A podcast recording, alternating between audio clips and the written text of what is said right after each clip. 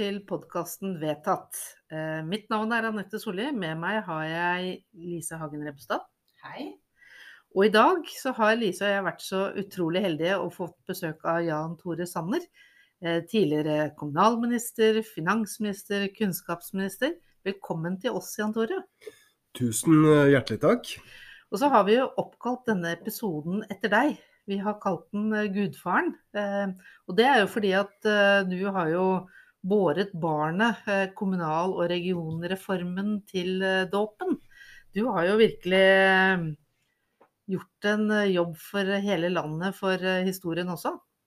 Jeg vedstår meg det. Selv om akkurat regionreformen var ikke min idé.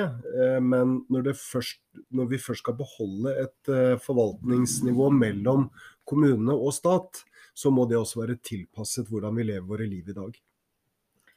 Men du Jan Tore, du trenger jo ikke noe introduksjon. Um, men uh, jeg har sett at du driver stadig vekk og dupper i fjorden. Og vi i Viken Høyre vi er jo veldig opptatt av å få en renere fjord. Men hva er det vi Eller du kaller det Er det isbader du er? jeg kaller meg egentlig ikke isbader, men jeg liker å bade om vinteren. Uh, selv om jeg må, må erkjenne at en, uh, en, julaften hvor jeg og min eldste datter skulle ned og bade, så var det is på fjorden. Uh, og det er en litt sånn småbitter følelse når man har tatt, tatt, på seg badebuksen og håndkleet rundt halsen, og så går du ned for å bade på julaften, og så er det is. Men vi, vi, fant et lite hull, altså. Vi, vi, tok på oss sko, og så trampet vi et hull. og så dyppet vi oss nedi, og så hadde vi badet den julen også la meg si sånn, Jeg håper at din eldste datter da var uh, voksen, sånn at dette var ikke noe med man med dratt skrikende med for det. Far på død og liv skulle bade på julaften. Nei da, uh, og hun, uh, hun, bader ofte om vinteren, hun også nå. Så nei, jeg kan, kan anbefale det. Jeg, jeg, mener jo at dette handler egentlig bare om vilje. Hvis man bestemmer seg for at man skal hoppe ut i, i vannet når det er Eh, to grader i luften og kanskje fire-fem grader i vannet, så går det fint, men man må bare passe på sikkerheten. Og så er det lurt å ha noe med seg og ikke være alene. Deg om det, Jan Tore. Eh, jeg bader om vinteren jeg òg, men på et bad med varme fliser på gulvet. Eh, så, men jeg, jeg, jeg beundrer deg. Men det jeg faktisk beundrer deg enda mer for, det er det du gjør om sommeren, eh, når det er godt og varmt og, svetten siler litt. Eh, du er en veldig ivrig hobbygartner. Du har jo, eh, vi har jo hatt lange diskusjoner om tomater. Hvordan gikk det med tomathøsten i år? Du, det var jo en helt fantastisk sommer. Og med så bra vær, ikke minst i, i juni, så blir det en sesong med masse tomater. Så i år, eh, selv om jeg har ikke mer enn syv eh, tomatplanter eller noe sånt, eh, så, så, måtte jeg gi bort en del til, til naboer. og jeg syns det er fantastisk å, å, å, plante frøene selv, se hvordan de vokser opp. Og så ikke minst høste gjennom sommeren og høsten. Det er veldig bra. I år så prøvde jeg også med agurk og squash. Eh, og det ble store mengder av det også. Dette ble helt rødgrønt? Det ble rødgrønt, men, men, men, men, som jeg pleier å si, at det rødgrønne det passer best i hagen. Ja, det var godt sagt. Men dere, før vi går videre. Um, denne episoden av Vedtatt må jo også nevne at um, uh, for noen dager siden gikk Kåre Willoch bort. Um, mange snakker om han som en stor statsmann, uh, og ikke minst Høyres kloke hode. Eh, han var vel egentlig sjelen til Høyre på mange måter. Selv husker jeg at jeg satt en eh, kveld i 1983 og så på en TV-debatt der han snakket om viktigheten av å opprettholde kristen formålsparagraf i barnehagen. Det var jo ikke noe galt, mente han, å snakke eller å synge eh, 'Deilig er jorden' og 'Til jul'. Og jeg var helt enig, og da gikk det opp for meg at det han snakket om, var verdier, verdikonservative verdier. Og dagen etter meldte jeg meg inn i Unge Høyre. Har dere noen uh, historier dere har lyst til å fortelle om uh, Kåre Willoch? Og det er, det er, så mye. Kåre hadde jo alltid sylskarpe analyser, eh, samtidig som han var veldig mild i, i, i formen. Eh, han forandret jo Norge. Eh, det var, på, var overmodent. Eh, hvis vi går tilbake til slutten av 70-tallet, og da Kåre Willoch overtok i 81, så måtte butikkene åpne klokken ni og stenge klokken fire eller fem. Og så var det lukket. og vi hadde NRK, vi hadde NRK-monopolet, og, og Willoch-regjeringen myket jo opp i dette. Vi fikk nærradioer, vi fikk TV 2, vi fikk åpningstidslov istedenfor lukkelov. Um, I det hele tatt, eh, folk fikk mer ansvar, mer frihet, større valgfrihet. Eh, og flere fikk også mulighet til å eie sin egen bolig. Så hadde jeg gleden av også å komme nærmere Willoch etter at han var ferdig med sitt politiske virke. I den tiden hvor NRK og alle spurte om hans kommentarer. Eh, og Kåre var opptatt av å være oppdatert, så han ringte ofte til meg for å spørre er det riktig det jeg nå har tenkt å si. Eh, og Det var jo, følte jeg, det var et enormt privilegium at Kåre Willoch, som er en hedersmann og et politisk forbilde, gjorde det. Spurte om det. En gang så fikk jeg ned på Stortinget, for jeg sa at eh, jeg har en liten presentasjon, for han skulle uttale seg om pensjon. Så kan vi gå gjennom den. Når vi var kommet halvveis, så sa han 'nå holder det'. kan, jeg, kan, jeg, kan, jeg, si det på denne måten? Og det kunne han selvfølgelig. fordi samtidig som han var veldig opptatt av, av alle detaljene, så var, hadde han også en ekstremt god evne til å gjøre det enkelt. Uh, og to setninger så komprimerte han min presentasjon på 30 sider. Jeg, uh, Nesegrus beundring er vel eh, et godt ord for, eh, for hvordan vi eh, tenker om Kåre Willoch.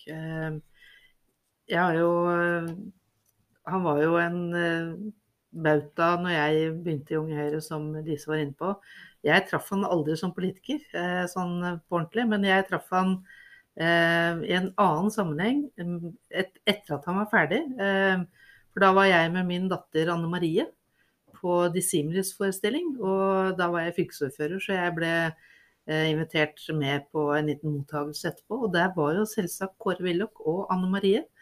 Eh, og en stund så var det bare oss fire bak der. og og en Anne Marie her og en Anne Marie der. Og det ble, det ble, nesten som om det var to besteforeldre som mm. Eh, snakket med barnebarnet sitt. Og det var, var, en så fin opplevelse både for meg som moren til Anne Marie og for Anne Marie. Så denne veldig sjenerøse, uhøytidelige, hyggelige mannen. Eh, det var en eh, helt eh, unik opplevelse. Den tror jeg aldri jeg kommer til å glemme, og jeg blir rørt bare jeg tenker på det nå. Det er ikke, det er ikke uten grunn at Torbjørn Røe Isaksen har kalt Kåre Willoch for Norges kloke bestefar. Mm. For han, han, hadde jo en veldig rund og mild og inkluderende form og engasjerte seg jo i mange verdispørsmål, enten det handlet om familier og ikke minst eh, barn som bor i fattige familier, eh, og klimapolitikken, som han hadde et eh, veldig sterkt engasjement for. Dette kunne vi snakke veldig lenge om, men nå skal vi over til et fast innslag, nemlig episodens ord. Hopp, hopp, hopp, hopp, poddens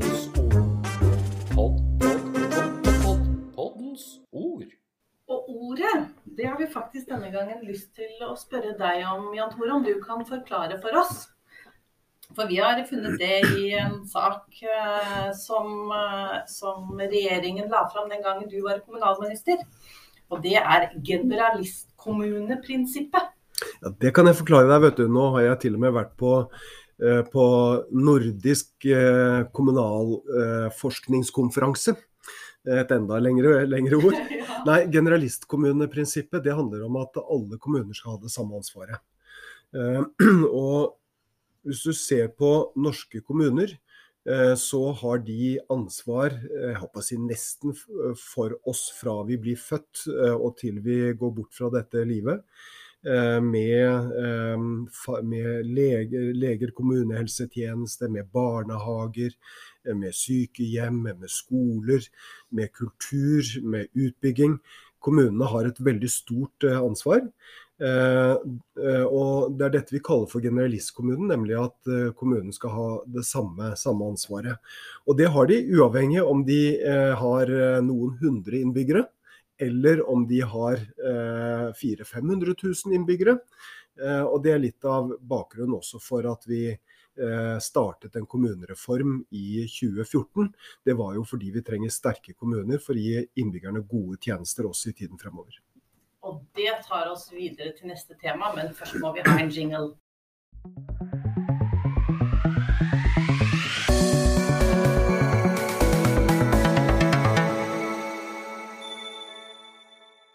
Det leder oss jo over på regionreformen, Jan Tore. Og det har jeg lurt fælt på.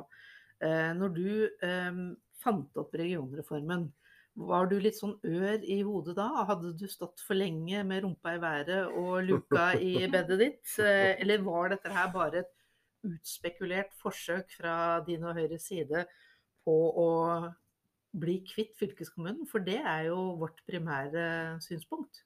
Det er helt riktig at uh, Høyres eh, utgangspunkt er at vi skal ha sterke kommuner uh, som kan gi innbyggerne likeverdige tjenester. Enten det er barnevern, eldreomsorg eller skoler i nord og i sør i hele landet.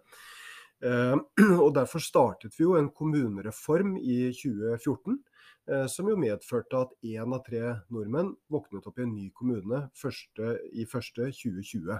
Det var den største endringen i kommunestrukturen siden 1965. Så Det betyr at mange kommuner er nå godt rustet til å gi innbyggerne gode tjenester i årene som, som kommer. Eh, så tok Venstre eh, som var vårt samarbeidsparti, initiativ til en regionreform i 2015. Eh, og da var nok eh, et av motivene til Venstre at man ønsket å unngå at Høyre og Fremskrittspartiet eh, da avviklet fylkeskommunen. Venstre ønsket å beholde fylkeskommunen, men da gjennomføre en regionreform. Og da ble Høyre, Fremskrittspartiet, KrF og Venstre enige om at vi skulle gjøre det. Og når vi først skal beholde fylkeskommunen, så må jo den også være tilpasset eh, de oppgavene de har, eh, og hvordan vi i dag lever eh, våre liv. Og Det er ganske annerledes enn det vi gjorde for 50-100 år siden. Jeg tror det kanskje det var også var bakgrunnen for at den forrige rød-grønne regjeringen, som Stoltenberg ledet, også tok initiativ til en regionreform. Og Da var det Senterpartiets Åsle Haga som skulle ha store regioner eh, i hele landet. Så Senterpartiet var pådriver eh, for en regionreform i 2006 til 2008, inntil Senterpartiet og Arbeiderpartiet da måtte innse at dette fikk de ikke gjennomslag for. Og det skulle jo ingen tro hvis man hørte på dem i dag, men det er kanskje i ren bitterhet over at de ikke fikk det til den gangen? jeg, jeg, håper i hvert fall at man legger det, det bak seg. For noe av det, noe av det jeg syns er tristest i norsk politikk, eh, det er eh, når man hele tiden snakker om, om, å reversere reformer som er gjennomført.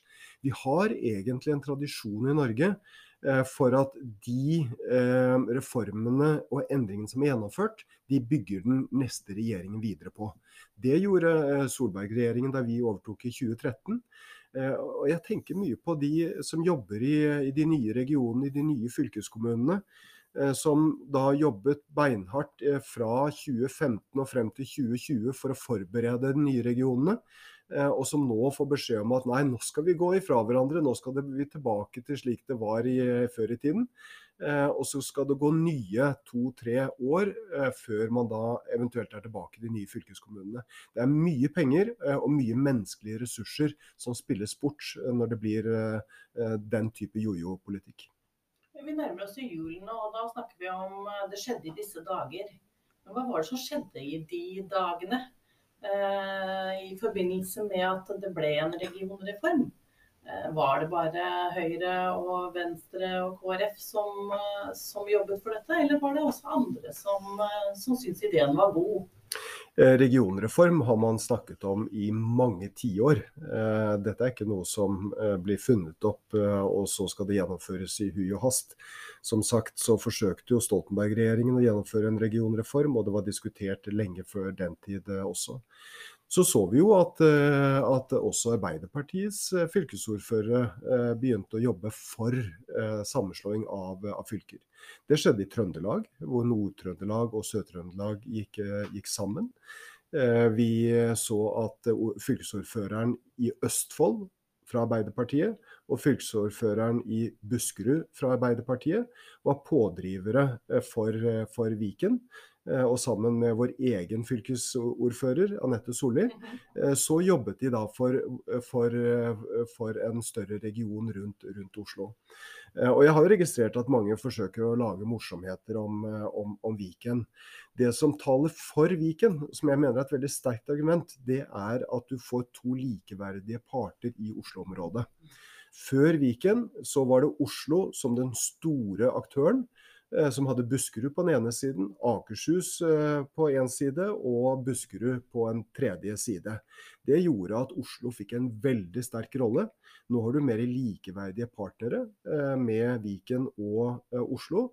Og infrastrukturen rundt Oslo-regionen, den binder jo Viken sammen. Enten det er gjennom Follo og gamle Østfold, eller om det er eh, nordover eh, gjennom Akershus, eller om det er mot Ringerike, hvor vi nå får Ringeriksbanen og E16, eller om det er nye E18 til, til, til Drammen. Så regionen den bindes eh, sammen.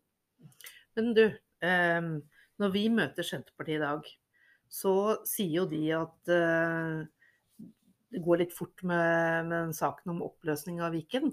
Men det gjør jo ingenting, for det gikk jo enda fortere når man skulle eh, etablere Viken. Når Viken skulle vedtas, så, så var det jo ingen frister som beholdt, og ingenting som ble, ble utredet. Eh, er det riktig, Jan Tore, at eh, regionreformen var et arbeid som regjeringen la fram som, som ikke var utredet? Det er vel få eh, spørsmål som har vært utredet så mye som både kommune- og regionreform. Én eh, ting er det arbeidet som blir gjort i departementene, hvor man jo også bygger på eh, utredninger og, og forskning. Eh, men, men, også det grundige arbeidet som blir gjort i fylkeskommunene.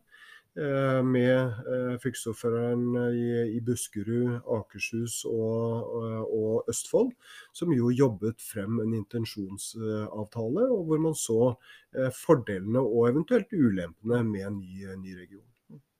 Du sa i sted at det var snakk om nye oppgaver. Og jeg har jo lest da at kommunalminister Sanner sa jo det, at fylkeskommunene skulle få nye oppgaver. Har vi nå egentlig fått det, Jan Tore? Det som alltid har vært viktig for meg, det er at vi skal ikke flytte oppgaver for å flytte oppgaver vi skal flytte oppgavene hvis, kan, hvis, uh, hvis fylket kan gjøre en bedre, bedre uh, ta en viktigere og bedre rolle, og løse den på en bedre måte enn en andre. Og Derfor så flyttet vi viktige roller til, uh, til fylkeskommunen. Bare, bare nevne et par av dem. Det ene er at fylkeskommunen har i dag ansvar for kollektivtransport og fylkesveier. Men eh, fylkesadministrasjonen eh, på, på, veisiden den har ligget i Statens vegvesen. Så Derfor så flyttet vi da det som kalles for sams veiadministrasjon til fylkeskommunene. Det gjorde at fylkene og regionene fikk da en mye viktigere rolle knyttet til samferdselspolitikken. I tillegg så flyttet vi også oppgaver eh, om kjøp av innenlandsflyruter, eh, fiskerihavner var det snakk om. Eh, men det jeg kanskje tror er aller viktigst, det er at vi så for oss at fylkeskommunen skulle ta en mye viktigere rolle i kompetansepolitikken. For fylkeskommunene har ansvar for videregående skoler, eh, de har lærlingordningen, eh, de har, de har høyere yrkesfaglig utdanning, de gamle fagskolene. Eh, og vi mente at fylkeskommunene skulle tatt ansvar for ungdom fra 16 til 24 år, slik at ikke ungdom eh, som da eh, faller litt inn og ut av utdanningssystemet, blir kasteballer i systemet. Her ønsket vi at fylkeskommunen skulle spille en rolle. Og også i arbeidet med kompetansepolitikken for voksne mente vi at fylkeskommunene skulle spille en viktigere rolle. Så egentlig så handler det om å ta rommet ta det ansvaret man har, eh, i tillegg til de oppgavene man, man fikk. Så vi har egentlig ikke gjort jobben vår uh, ordentlig, sier du det? Altså vi som er fylkespolitikere? Mange fylker gjør det. uh, og, og, vi har jo sett at flere fylker, Viken, Innlandet, har nå tatt en mye større rolle knyttet til kompetansepolitikken. Men jeg mener man kan ta, ta, ta et enda større ansvar Eh, for den nye normalen kommer jo til å være at vi eh, må utdanne oss gjennom hele, eh, hele livet. Eh, og fylket, som har eh, både kontaktflater mot bedriftene, men også utdanningssystemet, kan her være navet eh, i den livslange læringen. Men dere, nå snakker vi jo som om Viken er en, en ting for fremtiden. Men det er jo mange som har ordentlig skumle hensikter. Og i, i, Senterpartiet så har de jobbet i flere år med å klare å oppløse Viken. Og snart så skal den eh, saken behandles i fylkestinget. Snart så kommer den saken vi skal behandle i fylkestinget. Eh, det er neste fredag. Den er vi rimelig spent på hva som står i den saken. Men det som helt sikkert kommer til å stå i den, det er eh, en beregning av hva det kommer til å koste å løse opp Viken. Altså vi skal gå fra én organisasjon til tre organisasjoner med tre staber og tre ledelser og tre sett med fellestjenester og tre fylkesting og tre sett med fylkestingspolitikere. Ehm, det, det, det blir jo dyrt.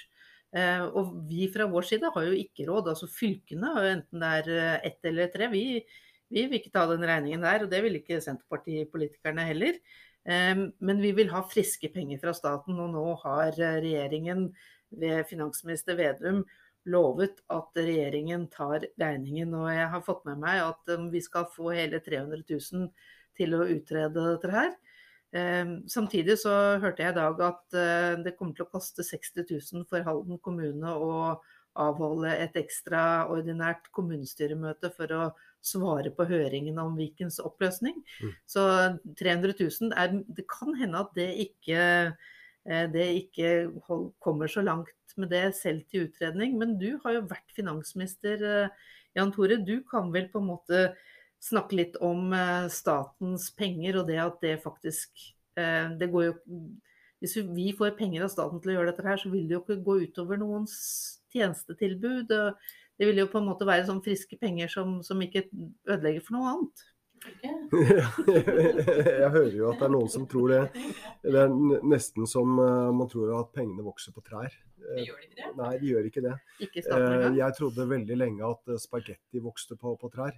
Men det er enda mindre sannsynlig at, at pengene vokser på trær. Nei, altså det er heller ikke noe som heter friske penger, dette er skattebetalernes penger. Eh, det er eh, våre felles eh, penger, enten om de kommer gjennom verdiskaping fra oljevirksomhet eller fra små og mellomstore bedrifter, om det er våre skattepenger. Det er de som da skal gå til en eventuell oppløsning. Og jeg vet ikke om dere har fått noen beregninger på hva en slik oppløsning totalt sett vil koste? Det får vi på fredag. Ja, nettopp. Om en uke. Eh, hvis det koster eh, 100 millioner, så er, jo, så er, jo, det kanskje en 150 eh, lærere eh, som vi alternativt kunne ha investert eh, i.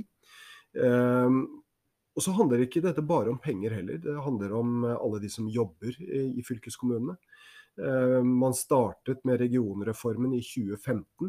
Regionene ble etablert i 2020. Hvis man nå i 2022 skal beslutte oppløsning, så vil det da skje eh, fra eh, 1.1.2024. Eh, og så vil kanskje nye fylker være oppe og stå i 2025. Da har det gått nesten ti år. Så det handler både om penger, det handler om tid, eh, det handler om menneskelige ressurser.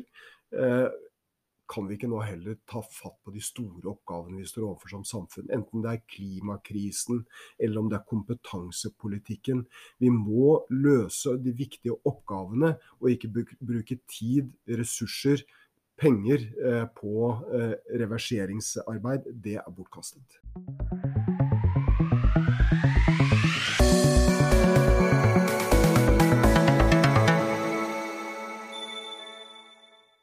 Jan Tore, du var jo eh, innom det. Dette at det egentlig handler om bedre tjenester, at det skal bli litt bedre for innbyggerne i Viken å bo der. Og at det er vårt ansvar å levere på. Og du var også innom eh, kompetansepolitikken. Og det handler jo om noe av det viktigste vi holder på med i fylkeskommunen, nemlig videregående opplæring. Og der er det jo mye å hente. Og vi er jo Norges største skoleeier i Viken. Og allikevel så klarer vi å bruke all den kompetansen til å avvikle fritt skolevalg. Ja, og Det er jo eh, kanskje den eneste grunnen til at jeg skulle være for at vi går tilbake igjen til Akershus. Fordi at eh, I Akershus hadde vi jo fritt skolevalg, og det var jo ingen som var misfornøyd. Alle var jo kjempefornøyde. Så jeg forstår ikke hvorfor ikke Viken, og også nå resten av landet, kan innføre fritt skolevalg. Mm. Og dette ville jo den forrige regjeringen. Ja, vi eh, mener at eh, valg av skole, det skal ligge hos, eh, hos eleven. Eh, på samme måte som eh, en eh, som skal begynne på videregående skole har mulighet til å velge studieretning, så bør man også ha mulighet til å velge hvilken skole man skal gå på. Så for meg så handler dette om hvor ansvaret skal ligge. Så er det jo noen som forsøker å gjøre dette til et spørsmål om A- og B-skoler, og sier at fritt skolevalg det fører til A- og B-skoler. Da kortslutter man, fordi det er fylkeskommunene som har ansvaret for kvaliteten i de videregående skolene. Ikke elevene og elevenes valg. Eh, så eh, arbeidet med å heve kvaliteten, det er en oppgave som fylkeskommunene skal ta. Og Da får du en god arbeidsdeling. Da er det fylket og fylkespolitikerne som jobber med kvaliteten på alle de videregående skolene, og så kan elevene velge. Det vil jo faktisk bidra til at alle skoler løfter seg. Ja, eh, og det, er jo der eh, Høyre alltid er på. Enten det er i kommunen, eh, på fylke eller stat, så jobber jo Høyre systematisk med å heve kvalitet og innhold og kunnskap på alle nivå. Enten det handler om lærerutdanning, videreutdanning for, for lærere, ekstra naturfagtime på ungdomsskolen, lærerspesialister eller løft for yrkesfagene, så jobber Høyre systematisk med å heve kvalitet og, og innhold. Men nå eh, er det da nærskoleprinsippet som, som gjelder. Og det betyr at en ungdom som da har gått kanskje med de samme eh, kameratene i, gjennom, gjennom ti år og har lyst til å bytte miljø, ikke får muligheten til det, fordi at det er foreldrenes bosted som skal avgjøre hvilken skole man skal gå på, og ikke elevens valg. Og ikke bare det, men disse nærskolegrensene blir også justert litt eh, sånn som administrasjonen syns det er fornuftig. Så det kan jo hende at du får en lengre reisevei. Eh, og det er jo eh, for å gå på skole. Og det er jo eksempler på det på Romerike. At du pga. at du må ta de bussrutene som fins. Det er liksom ikke sånn at det får servert en uh, ny bussrute. Så bruker man lengre tid på å komme seg til det som da blir definert som nærskolen enn det man egentlig hadde ønsket seg. Så her er det jo en godt eksempel på at når man lager et rigid, stivbeint system, så funker det veldig mye dårligere enn det pragmatiske og fleksible systemet vi hadde i mm. Akershus. Så, Men dette det. betyr jo at eh, Høyre eh, i Akershus, eller Høyre i Viken, eh, får en fantastisk viktig valgkampsak frem mot 2023. Eh, Uten tvil. For det betyr at, eh, at vi kan si til, eh, til ungdommene i, eh, i, i, Akershus eller Viken, og til også foreldrene, at vi vil gi dem valgfriheten til, tilbake. Og vi som fylkespolitikere vi skal jobbe med å heve kvaliteten og sørge for at de får en best mulig utdanning. Mm. Men Du nevnte lærerspesialister i, i sted, Jan Tore. og det er jo, altså, Vi kan si hva vi vil, men det er vel ingen tvil om at det er lærerne som er elevenes beste venn, og at vi må gjøre noe eh, ganske fundamentalt, vi som er politikere, for å uh, sørge for at uh, kompetansen stadig vekk blir hevet på lærerne våre. Mm. Og lærerspesialist var jo et svar fra Høyres side, men der ser det litt mørkt ut nå. Ja, jeg må først si hva en lærerspesialist er. Da vi fikk dette på, på plass for, for noen år siden, så var formålet at eh, vi ønsket å beholde gode lærere i klasserommet. For lærerne har ikke så mange karrieremuligheter hvis de ønsker å fortsette å undervise. Eh, hvis de fortsatt skal være i skolen, så blir det kanskje en administrativ stilling.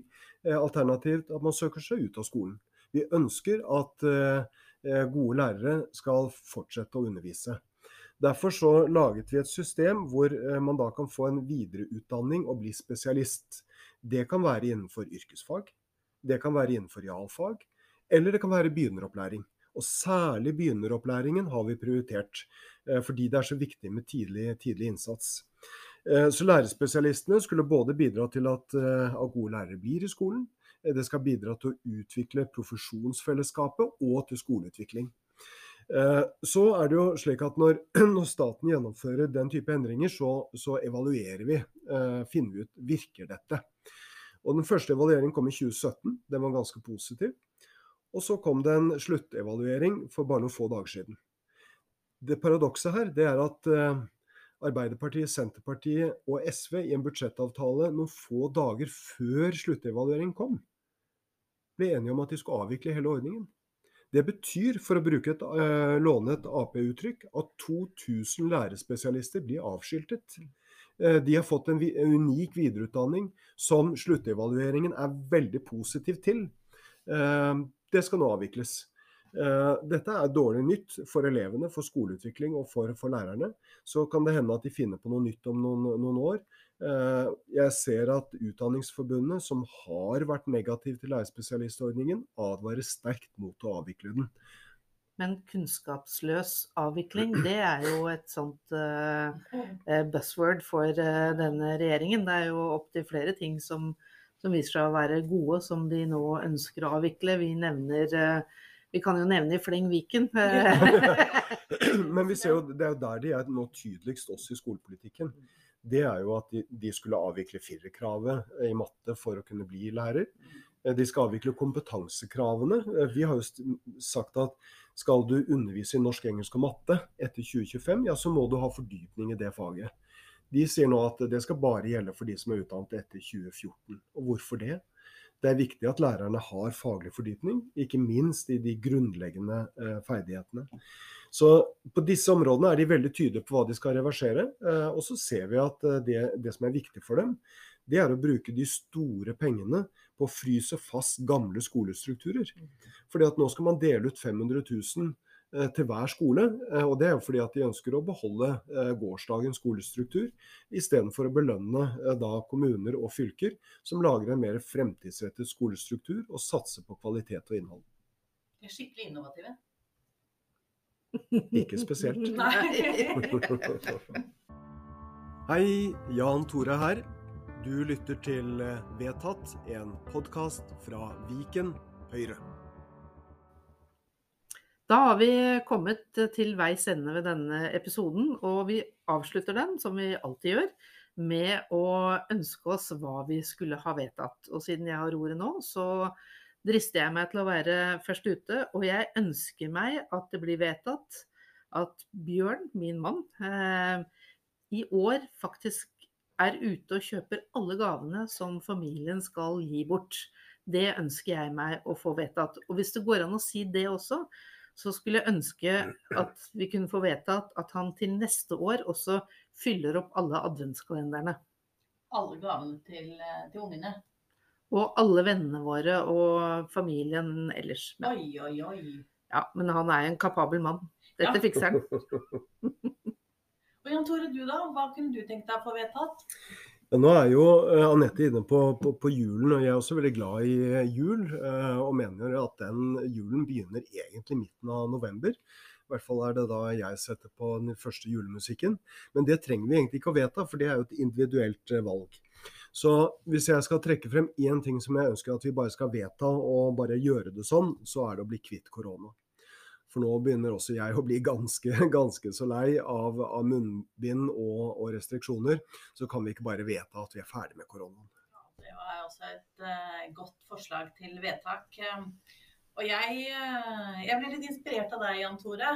Ikke på koronaen, men du snakket om uh, regjeringen og deres ønske om avvikling. Så jeg tenkte at det beste ville være hvis vi kunne få vedtatt at regjeringen de avvikler seg selv. Ja. Applaus, applaus. Eh, glitrende, men da, da, er det vedtatt, da. Så sier vi det. Jeg er Lise Hagen Rebbestad. Uh, tusen takk til min makker Anette Solli. Og en stor takk til vår første gjest Jan Tore Sanner. Og takk til vår produsent Magnus Rødnes.